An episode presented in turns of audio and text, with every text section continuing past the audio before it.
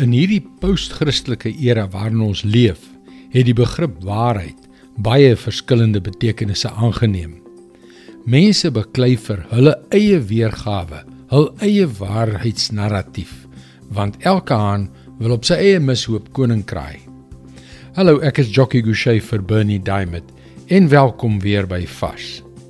Maar weet jy, dit is in hierdie remoer van mededingende waarhede wat God steeds vandag die ewige waarheid dat hy sy seun gestuur het om ons te red wil openbaar.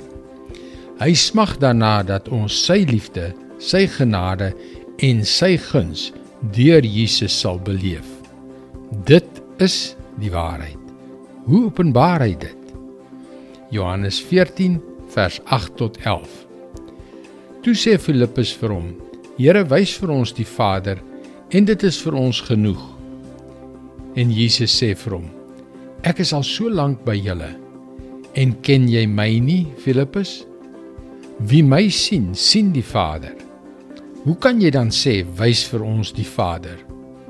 Glo jy nie dat ek in die Vader is en die Vader in my nie? Die woorde wat ek met julle praat, praat ek nie uit my eie nie maar dit kom van die Vader wat in my bly en sy werke doen. Glo in my omdat ek in die Vader is en die Vader in my.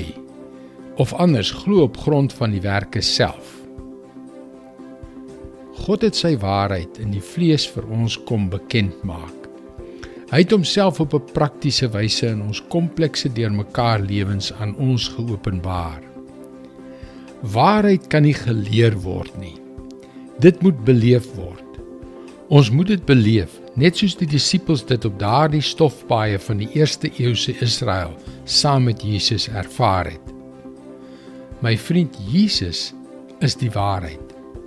En wanneer jy hom leer ken, in hom glo en hom ervaar, sal hy jou lewe verander. Wie my sien, sien die Vader. Dis die waarheid. En dit is sy woord vars vir jou vandag.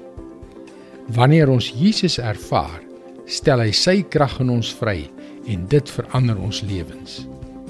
Indien jy na vorige vars boodskappe wil luister, hulle is ook almal op Potgooi beskikbaar. Soek vir Vars vandag op Google of op 'n Potgooi platform soos Spotify. Luister weer môre op jou gunstelingstasie na nog 'n vars boodskap. Mooi loop. Tot môre.